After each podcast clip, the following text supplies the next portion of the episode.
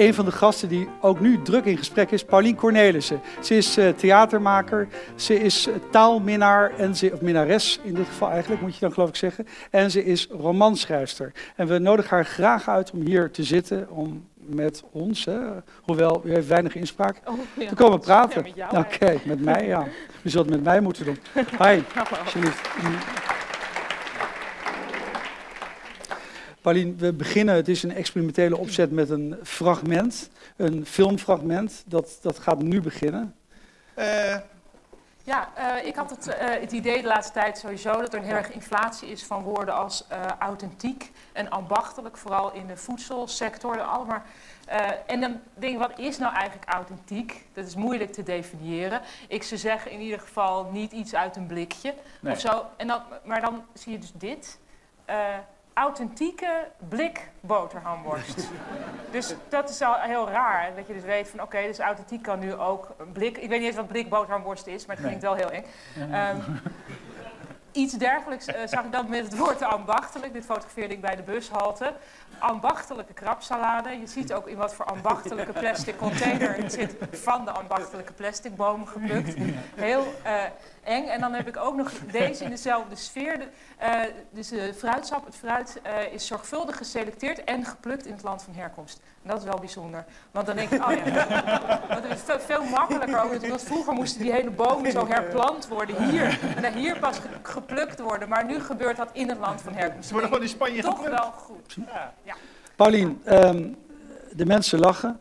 En jij keek er bloedserieus naar. Hoe ervaar je dit nu? Om... Um, Sta ik? Uh, ja, ik sta. Uh, ik ervaar dit um, als volgt, dat ik heel erg zit te kijken van, uh, zit mijn make-up goed? Mm -hmm. En ja, ik weet natuurlijk zelf wel onge En ik was, niet, ik was een beetje vergeten van waar, wat had ik ook weer voor voorbeelden mhm. meegenomen. Mm -hmm. Dus ik was benieuwd hoe ik het zei en of ik niet te veel woorden gebruikte. Mm -hmm. Ik noemde je in het begin, toen ik je aankondigde, uh, theatermaker. Ik noemde je ook nog in een paar andere faciliteiten van je werk en talent.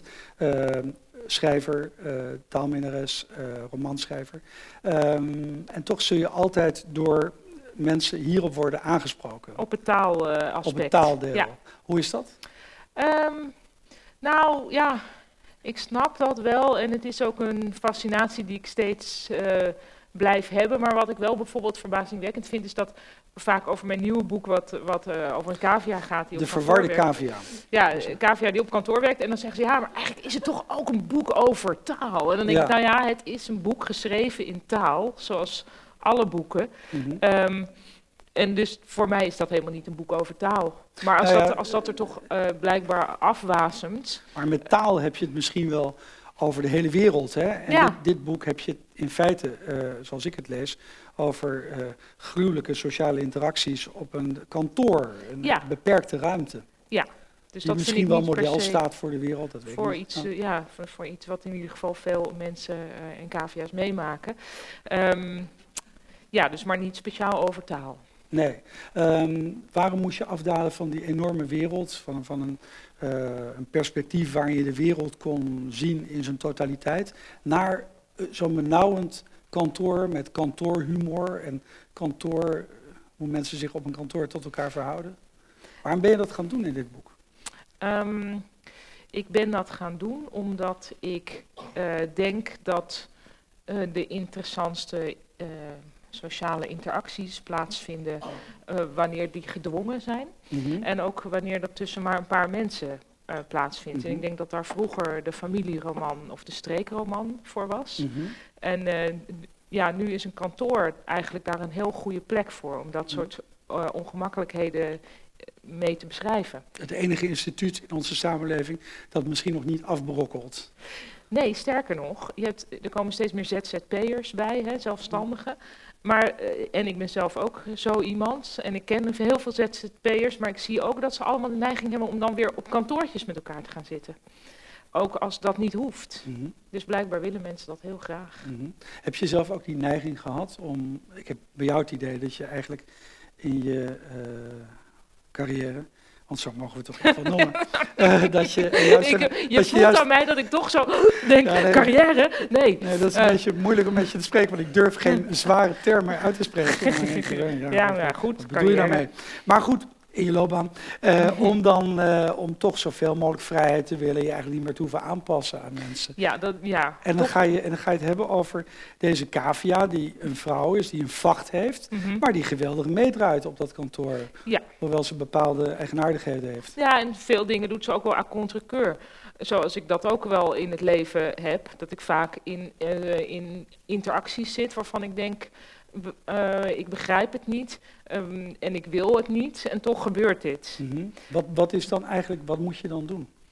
Als je dingen niet begrijpt en niet wilt, Ja, eh daarover schrijven is een Ja. goeie. Eh, maar ik denk ook, eh, ehm, wat ik eh, nu meer doe en vroeger minder, is eh, dat dan toch maar benoemen. Mhm. Van, oh, maar dit is eigenlijk even heel gek dat je dat nu zegt, of Mhm. zo. En vroeger zou ik dat dan niet doen en dan later daar, me daar eh, aan gaan zitten ergeren. Mhm. Er is toch volgens mij wel een overeenkomst met je taalstukken, zoals die verzameld zijn in taal is zeg maar nog iets. Ja, dit, zijn, dit is de Dit zijn twee bundeling van de boeken twee natuurlijk, boeken. Ja. Eh, maar goed, ik, ik hou het maar op hè, als colport, colporteur.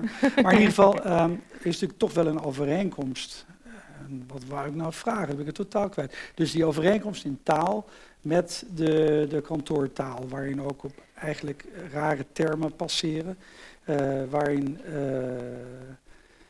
termen gekoppeld worden aan de staat van hoe iemand op dat moment is, of eh, wat je ermee kunt bereiken en bewerkstelligen bij mensen. Je kan het natuurlijk niet scheiden. Je zei wel net een beetje makkelijk van het boek is in taal geschreven. Ja, dat geldt natuurlijk voor alles wat we zeggen en schrijven, maar het is wat meer dan dat. Hè? Het was inderdaad een beetje makkelijk, dat geef ik toe. Ehm, ja, eh, nou ja, kijk, wat ik graag wil en wat ik heb gewild, eh, en, en, ik, en ik denk dat dat ook wel is gelukt, is dat wat mensen zeggen in het boek, dat dat klopt bij wie ze zijn. Mhm. En dat is, eh, dat is dus ik hou ook heel erg van gesprekken schrijven. Dus ik denk dat veel van de actie in het boek ook zit in de gesprekken. En ik ben dus eigenlijk, denk ik, slechter in eh, beschrijven hoe een kantoor eruit ziet. Mhm. Dat, dat doe ik ook niet zo heel veel in het, eh, in het boek. Ehm, ik vind het het interessantste als mensen dingen aan het zeggen zijn en dat dat dan klopt bij wat voor type het is. Mhm. Ehm, dus dat, dan gaat het inderdaad al sneller over taal dan over iets anders. Mhm. Eh, dit boek is je eerste roman. Het is fictie. Mhm. Eh, hoewel ik begrepen heb dat je zelf ook wat kantoorervaring achter de rug ja, een hebt. klein beetje, ja. Bij een eh, blad voor kinderen, toch? Nou ja, voor ouders van voor, kinderen. Voor ouders van kinderen. Ja. Was dat eh, zorgwekkende, was dat zorgwekkend, die werkzaamheid? Van, om Eh, voor ouders van kinderen te schrijven? het was het zorgwekkend. Nou, het had wel ook wel iets heel leuks hoor. Ehm, zo- ik denk dat een kantoor ook toch een, op een prettige manier baarmoederlijk kan zijn. Ik had daar best wel vaak het gevoel, wat ik ook had op de lagere school, dat je je eigen bureau hebt en een laadje. En dat, Mhm. dat is zo- zo'n klein wereldje, wat je, dat is dan van jou. Ja, ik blijf toch even hangen bij dat baarmoederlijk. Dat betekent Ja. dat er dus een blad uitkomt? Of moet ik het Nee, anders zien? nee, meer Ah. dat je in de baarmoeder, zoals ik me dat herinner, heel erg eh, beschermd Ah, bent. een En, eh, kokon. ja. Een kokon bedoel ik Ja. misschien meer. Ja. Eh, beschermd en warm. Niet Ja. al te veel prikkels. Ja. Ja. Ja. behalve natuurlijk van de medemensen, die er Ja. natuurlijk ook zijn. Ja. Ehm, maar ja, dit boek is je eerste boek ook in, eh, van je eigen uitgeverij. In eigen beheer zei men vroeger altijd. Eh, Ja, dat zeg ik ook nog steeds. dat zeg je nog steeds, maar ehm, eh, je was al flink op weg, hè? want de omslagen waren van jou, Mhm. tekeningen in je Ja. taalboeken waren van jou. En je hebt die grote stap genomen eigenlijk. Ja. Ehm, wat bracht die je Ehm, om het helemaal zelf te doen? Nou, ik vond het eigenlijk heel. eh, vind het nog steeds heel leuk dat ik nu dit helemaal. Dat, ja, het is meer zoals. Al, ja, dus dat ik het. Dat ik heb bepaald hoe het, hoe het voelt. Mhm. Eh, dat ik weet wat voor papier dit is en hoe dit gedrukt is. En dat ik heb gezien hoe dit afgesneden wordt. Wist je eh, dat allemaal nog niet? Nee, ik wist heel veel dingen niet. Wie heeft je dat uitgelegd? Nou, gaandeweg eh, eh, steeds. Dus ik heb gesprekken met drukkers gehad. En eh, Ja. dan weet ik dus van, nou, ik wilde per se deze kleur blauw. Dat is heel ingewikkeld drukken. Dan denk je, het ziet er heel simpel uit, maar dit is heel moeilijk. En het is twee keer gedrukt, zodat er geen, niet van die kleine witte puntjes in komen. Mhm. Die dan weer spanjolen heten, wat ik interessant vind. Ehm, Dus dat, en dat, daar, daarin lijkt het dan meer op een voorstelling. Die, je ook, die bedenk je en vervolgens speel je hem twee jaar. Mhm. Ehm, en, en ben je dus ook de hele tijd daar heel erg zelf bij betrokken en, Mhm. en beslis je ook heel veel zelf. Eh, en dat gevoel heb ik nu meer met dit boek eh, dan. maar nu ben jij wel, eh, hoe heet dat? Je was wel ervaren met theaterproducties. Ja, dat scheelt wel. Maar zou je dit toch aan iedere schrijver eigenlijk aanraden om het zelf te doen? Nou, mm. kijk, je moet wel in staat zijn als iemand jou een factuur schrijft, dat je die dan ook betaalt. En ik denk dat, niet elke, dat niet elke schrijver zo praktisch kan zijn. ja. Er zijn natuurlijk heel veel vage types. Maar wat ik denk, is dat er wel een nieuwe vorm komt ehm, van eh, een soort impresario voor, eh, voor een schrijver. Mhm. Dus iemand die eh, dan wel alles regelt. Mhm. Eh, want ook in het theater heb je daar verschillende gradaties in van wie er wat precies geregeld krijgt. Mhm. Maar stel, ehm, je betaalt iemand voor zijn uren of voor een klein percentage, maar je doet wel zelf de financiële inv- investering en, eh, en je bent eindverantwoordelijk. Mhm. Maar iemand anders doet de regeldingen voor jou. Ik denk dat dat ook een nieuw iets eh, wordt wat gaat komen. Tenminste, dat, dat vind ik een logische stap. Heb je daar zelf behoefte aan, aan zo iemand? Ehm, ik denk dat ik. Nou, ik vind het dus wel fijn om overal eh, beslissingen over te nemen.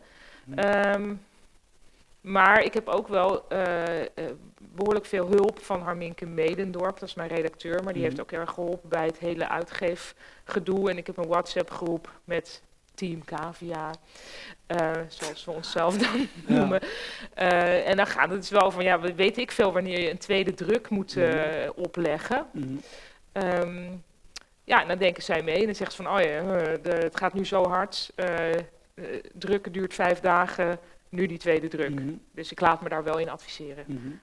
Ehm, en ik denk dat mensen die ook veel minder zelf beslissing willen nemen, dat die dus, ik denk dat dat gaat komen, dat er iemand is die gaat zeggen, oké, eh, jij doet de investering, ik doe het regelwerk. Mhm.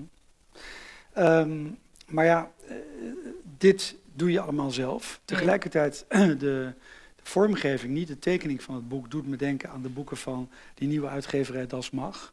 Daar- Vind je dat nou? Ja? Ja, dat vind ik eigenlijk wel, ja. Wat Dat, grappig, eh, ja, want wij en, waren eh, tegelijk op dezelfde dag. eh, bracht ik naar buiten dat ik het zelf ging doen en was Dasmag ook. eh, Ze hebben je nagedaan. nee hoor, nee, nee, want we waren dus precies tegelijk. Ja, Ehm, maar daarbij ook hoor ik van schrijvers die erbij zijn. Eindelijk hebben we er meer eh, greep eigenlijk op. oh We ja, hebben- we hebben meer eh, zeggenschap. Eh, het is dichter, de, de, de kanalen zijn minder, of hoe heet dat? De lijnen zijn minder lang. Eh, Ja. Ik kan me toch voorstellen dat dat eh, beantwoordt aan een roep. ja, denk maar goed, wel. daar kunnen we niet intreden, dat wordt speculatief natuurlijk.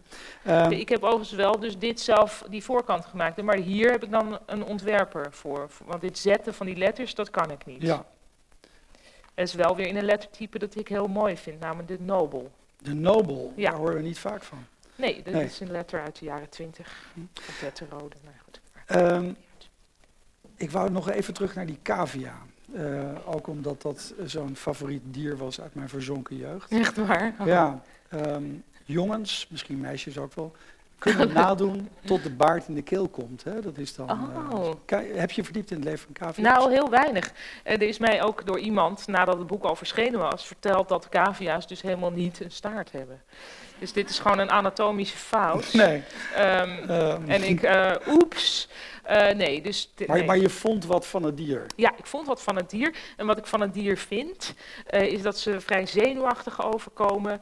Tamelijk Eh, nerveus. En ja, schrikachtig. Ja. En ik vind dat ook extra grappig, omdat het zo'n groot lijfje is op eigenlijk best wel dunne pootjes. Ja. En vandaag las ik toevallig nog, ze maken soms ook sprongetjes, hè? Nou, Mm, ja, wanneer er sprake is van paniek, dan is nou en dat ja. heet dus, binnen de cavia-liefhebberij heet dat popcornen. Ja, Omdat een poing. maar dat doet jouw cavia niet echt nee, natuurlijk. nee, want dat wist ik ook nog niet, dat ze dat doen. Ja. Want ik heb me er dus niet zo heel erg in verdiept. Het gaat me meer over het gevoel, ja, het type. Ik denk dat als ik had gezegd van, nou, maakt niet uit wat voor dier, het had ook een konijn kunnen zijn. denk ik, nee. Ja. Een konijn is zindelijker. Een cavia die, ja, die ziet zijn hele kooi toch wel als één groot toilet. Ja, een cavia poept 175 keer per dag. Dat wist je. Nee, dat heb ik toevallig Ah. ook vandaag gegoogeld. Ja, Ehm, ter voorbereiding van dit ja, gesprek. ik dacht nu eventjes, want hij heeft vroeger cavia's cavia. gehad. Ja, Nee hoor, nee, ik zat met mensen te praten en toen kwam dat ter sprake en toen dacht ik, ik google het even. ja, Ehm, nee, mijn cavia is redelijk eh, zindelijk. ja. En die gebruikt het wc, de wc ook als toevlucht om even alleen te zijn. Maar eigenlijk is jouw cavia een mens. Alleen er wordt gewacht gemaakt van een vacht, hè? Ja. Dat is eigenlijk. En ze heeft bijvoorbeeld, nou schrijvenderwijs was het ook wel eh, soms moeilijk. Bijvoorbeeld dat ik moest bedenken van kan zij een schouderklopje krijgen? Nee, want ze heeft volgens mij geen schouders. Nee, die zijn wel bij de nek Dat, zo. dat ja, is ja. e- allemaal één ding, dus Ja. dan kan je niet. Een beetje Maar ja, ik denk wel dat zij rechtop zit bijvoorbeeld. En ik denk ook niet dat ze zo groot is. In mijn hoofd is ze ongeveer zo groot. Maar ik heb bij het schrijven de hele tijd niet een mens voor mij Nee. gehad, maar echt een cavia. En het is, als je ziet hoe de, de rest van de... Dus ze werkt met alleen maar mensen. En al die mensen die, die- vinden dat normaal dat er ook een cavia werkt. Ehm, maar er wordt wel een beetje... Je zou het kunnen vergelijken met iemand met een handicap... waar dus geen grapjes over mogen worden gemaakt. En soms gebeurt dat toch en, daar- dan mag ja, dat niet. En omdat het niks gezegd wordt, valt het juist extra op. Misschien wel. Ja, ja, maar dan op een gegeven moment gaat ze, dan is er sprake van vakantie. En oh, kun je dan niet naar de groepswandeling naar de bergen? En dan roept iemand, oh, kan je nog eens een leuke bergmarmot tegenkomen? En dat is dan, nou, dat zeg je toch niet? Dus Mhm. dat vind ik handicapachtig. ja. Ehm, Je hebt eigenlijk, eh, dat wil je misschien niet, maar je hebt eigenlijk, er is wel eerder aan je gevraagd van, eh, ja, waarom nou, waar kwam die cavia vandaan? En dan zei je, ja, die zat in mijn hoofd. ja. En is dat het hele antwoord? Ehm, nou, ik denk dus, eh, het kwam in mijn hoofd. En dat was, dat was, en het ging er niet uit, dus ik moest daar, ik moest daar dus blijkbaar iets mee. Ehm, ik denk dat als ik Hou je van dieren? Ik hou van dieren, maar niet Ah. speciaal van cavia's. Ehm, eh, en ik krijg nu de hele tijd die gewoon plusje cavia. Ja, Ehm, goed, sorry. Ja, ja, waar is je, waar is dat Ja, misschien hebben mensen nu leuke, lieve, uh, lieve cavia's bij zich. Ik heb ook al een cavia autosticker gekregen van iemand. Stop voor Want de cavia. bestaat allemaal. Ehm, ik denk dat als ik eh, er gewoon een vrouw van had gemaakt, dat ik dan dat het dan, mij dan te realistisch was geweest. Dus voor mij is het interessanter dat er iets is wat in onze wereld helemaal niet zou kunnen. Omdat ik dan vind dat juist de normale dialogen, eh, die, ik, die, ik dus volgens, die volgens mij bij mij heel realistisch zijn, Mhm. dat, het daardoor een, eh, dat het daardoor interessanter wordt. Omdat er iets gebeurt wat niet echt kan. Ja, Ehm, en niemand zal waarschijnlijk ook nu jouw Zeggen van, ben jij dat eigenlijk? Ja, precies. Dat gebeurt gek genoeg toch nog steeds. Een beetje raar. zo van, ja, dan ben jij dan toch, want het schrikachtige of zo, of het... ehm, Mhm. Ja, of gewoon, het zei, Cavia is een observator en die hoort niet echt bij de groep. En eh, dat, vind, dat, ben, dat klopt voor mij ook wel. Mhm. Ik bedoel, als ik, een, me- met me, als ik me met één personage zou moeten vereenzelvigen uit het boek, is het zeker Cavia. Ja, dat lijkt me wel... eh, Daarvoor ja, is het ook een hoofdpersoon. Daarvoor misschien. is het een hoofdpersoon en bovendien Ja. een heel sympathieke hoofdpersoon. Maar eh, eh, Nou ja, weet ik niet. eh, er is nog zo'n mythe eigenlijk over jou. Hè? Dat is eh, dat je... Je bent naar Japan gegaan, Ja. Hiroshima, dan denkt iedereen aan de atoombom, maar je kwam terug met een observatie over Japanners op de wc. Dat ze heel lang doortrekken, zodat je Ja. niks hoort wat daar gaande is. Mhm. En daar heb je toen een stuk over geschreven voor NRC, Zo'n klein stukje. zo'n klein stukje. Ja. En dan is het verhaal, de mythe van, Mhm. daarna kwamen de stukken over alles over taal. Maar Nou, dat was waarschijnlijk niet zo, je Nee, nee, schreef nee. zo lang. Ja, dat was, dat was inderdaad een mythe. Maar het was wel, eh, dat waren mijn eerste stukjes. Dus dat was het eerste moment wat jij je vast ook nog wel kunt herinneren, dat je je naam in druk ziet staan. En dat dat heel gaaf is. Ja, de bonheur de savoir imprimé noemde Plantijn dat. Maar Nou. dat, was dat inderdaad zo bij je, dat je Ik het vond- geweldig vond? Ik vond dat geweldig. Schoolkrant? Ehm, heb ik wel eens wat voor geschreven, maar de schoolkrant was niet, toen ik op school zat, was dat niet een heel bruisend eh, instituut bij ons. Mhm. Eh, dus dat was. je zat op Barlees. Ja, en dat Ja. is het, het eh, school, de schoolkrant heet Soeum Kuikwe. En daar had Hermans nog ingeschreven, maar die sfeer was er wel een beetje. Desondanks was het zieltogend. Ja, zeer. Ehm, dus in de krant, ja, in de krant die mijn ouders lazen, eh, ja, dat vond ik wel heel stoer. En toen dacht ik, nou, dan, dat schrijven, laat ik daarmee doorgaan. Maar toen heeft het jaren geduurd voordat ik eh, over taal ben gaan schrijven. Mhm. En dat is eigenlijk pas gekomen doordat ik eh, stand-up comedian was geworden. Mhm. En daarin totaal was vastgelopen. En toen heel ehm, depressief was geworden eigenlijk. En toen dacht ik, wat moet ik nou? En toen dacht ik, ik wil wel, eh, ik wil wel laten weten wat ik, wat ik leuk vind of wat ik Mhm. interessant vind. En ik wil dat ook wel vertellen aan de mensen, maar ik wil niet op het podium staan. Mhm. En toen dacht ik, nou, dan ga ik het voor de radio doen. En toen heb ik dus cassettebandjes inges- ingesproken, terwijl dat al bijna niet meer bestond toen. Ehm, en opgestuurd en toen mocht ik voor de Wereldomroep Mhm. columns over taal eh, gaan maken. En naar aanleiding daarvan mocht ik dat in NRC Next gaan doen. Ja, Dus dat is het meer. Dus, zo maar- is begonnen eigenlijk. ja, dat is in 2006 heb ik dus ook gek genoeg, want ik ben verder helemaal niet planmatig, maar heb ik op een papiertje geschreven wat ik wil doen. En er stond dus schrijven over taal en een voorstelling maken. Ja. Ik was toen ook 30, dus een beetje zo'n leeftijd dat je denkt, wat nou echt? Ja. Eh, is het uitgekomen allemaal, wat je wilde? Eh, ik moet dat briefje weer eens opzoeken of er nog meer op stond, want misschien dat het ook mijn geheugen is wat mij nu doet herinneren wat is gelukt. Maar een Ja. voorstelling maken en schrijven over taal is wel Ja, gelukt. dat is ja. wel duidelijk gelukt. Ja. Eh, zijn er nog meer wensen, plannen?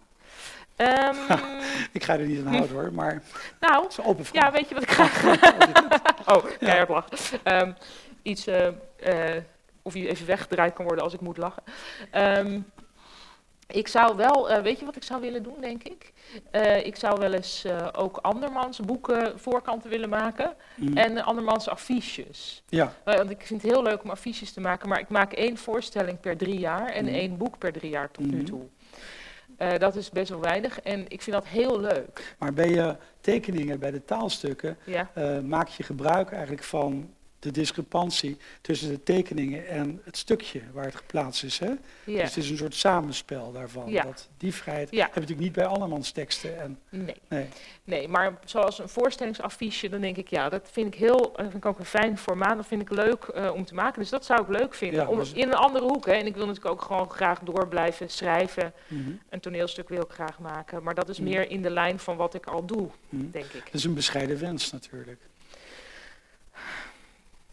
Wat, andermans Diepe affiches zucht. maken. Ja, nee, dit, Eh, eh, nou ja, dat ja, lijkt dat me, weet ik het lijkt me te niet. realiseren bedoel ik eigenlijk. nou, ik zou ook heel graag in de New Yorker willen schrijven. ja, Om het dan maar even wat minder bescheiden te, te Ja. maken. Want dat, dat is mijn lievelingsblad en dat lees ik elke week helemaal. helemaal. Ja, eigenlijk wel. De meeste mensen hebben het blad, maar lezen het dan ik vind niet het eigenlijk. echt heel goed. Ja, Dus ja, ik, ik kan, en ik, het is gek, want het klinkt altijd, maar ik heb het gevoel dat het hier wel kan, maar dat, het klinkt altijd zo snobistisch eh, om dat te zeggen.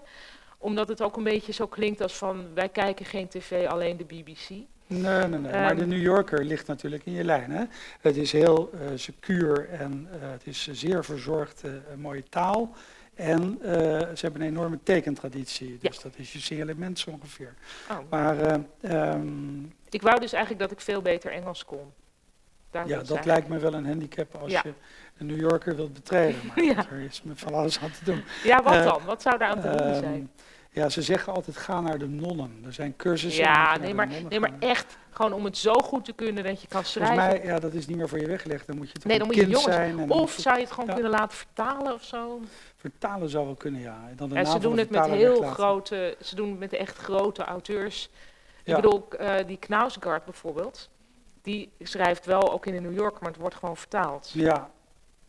En ja. bij anderen die moeten dan echt meteen in het Engels eh best doen. Ja, dat is natuurlijk Ja. heerlijk. Ja, Ehm, Ah, dat is gewoon rottig van Nederland, dat er Nederlands wordt gesproken. mhm. Ik had nog een, eh, ja, Ja, dat is Eh, waar, ja. ja, maar goed, in Nederland heb je wel, in menig huishouden ligt een boek van je. Hè? Dus dat is op zich, Ja. daar heb je alles aan gedaan. Ja, oh, ik ben- het is eigenlijk mijn schuld dat er Nederlands wordt Min of meer.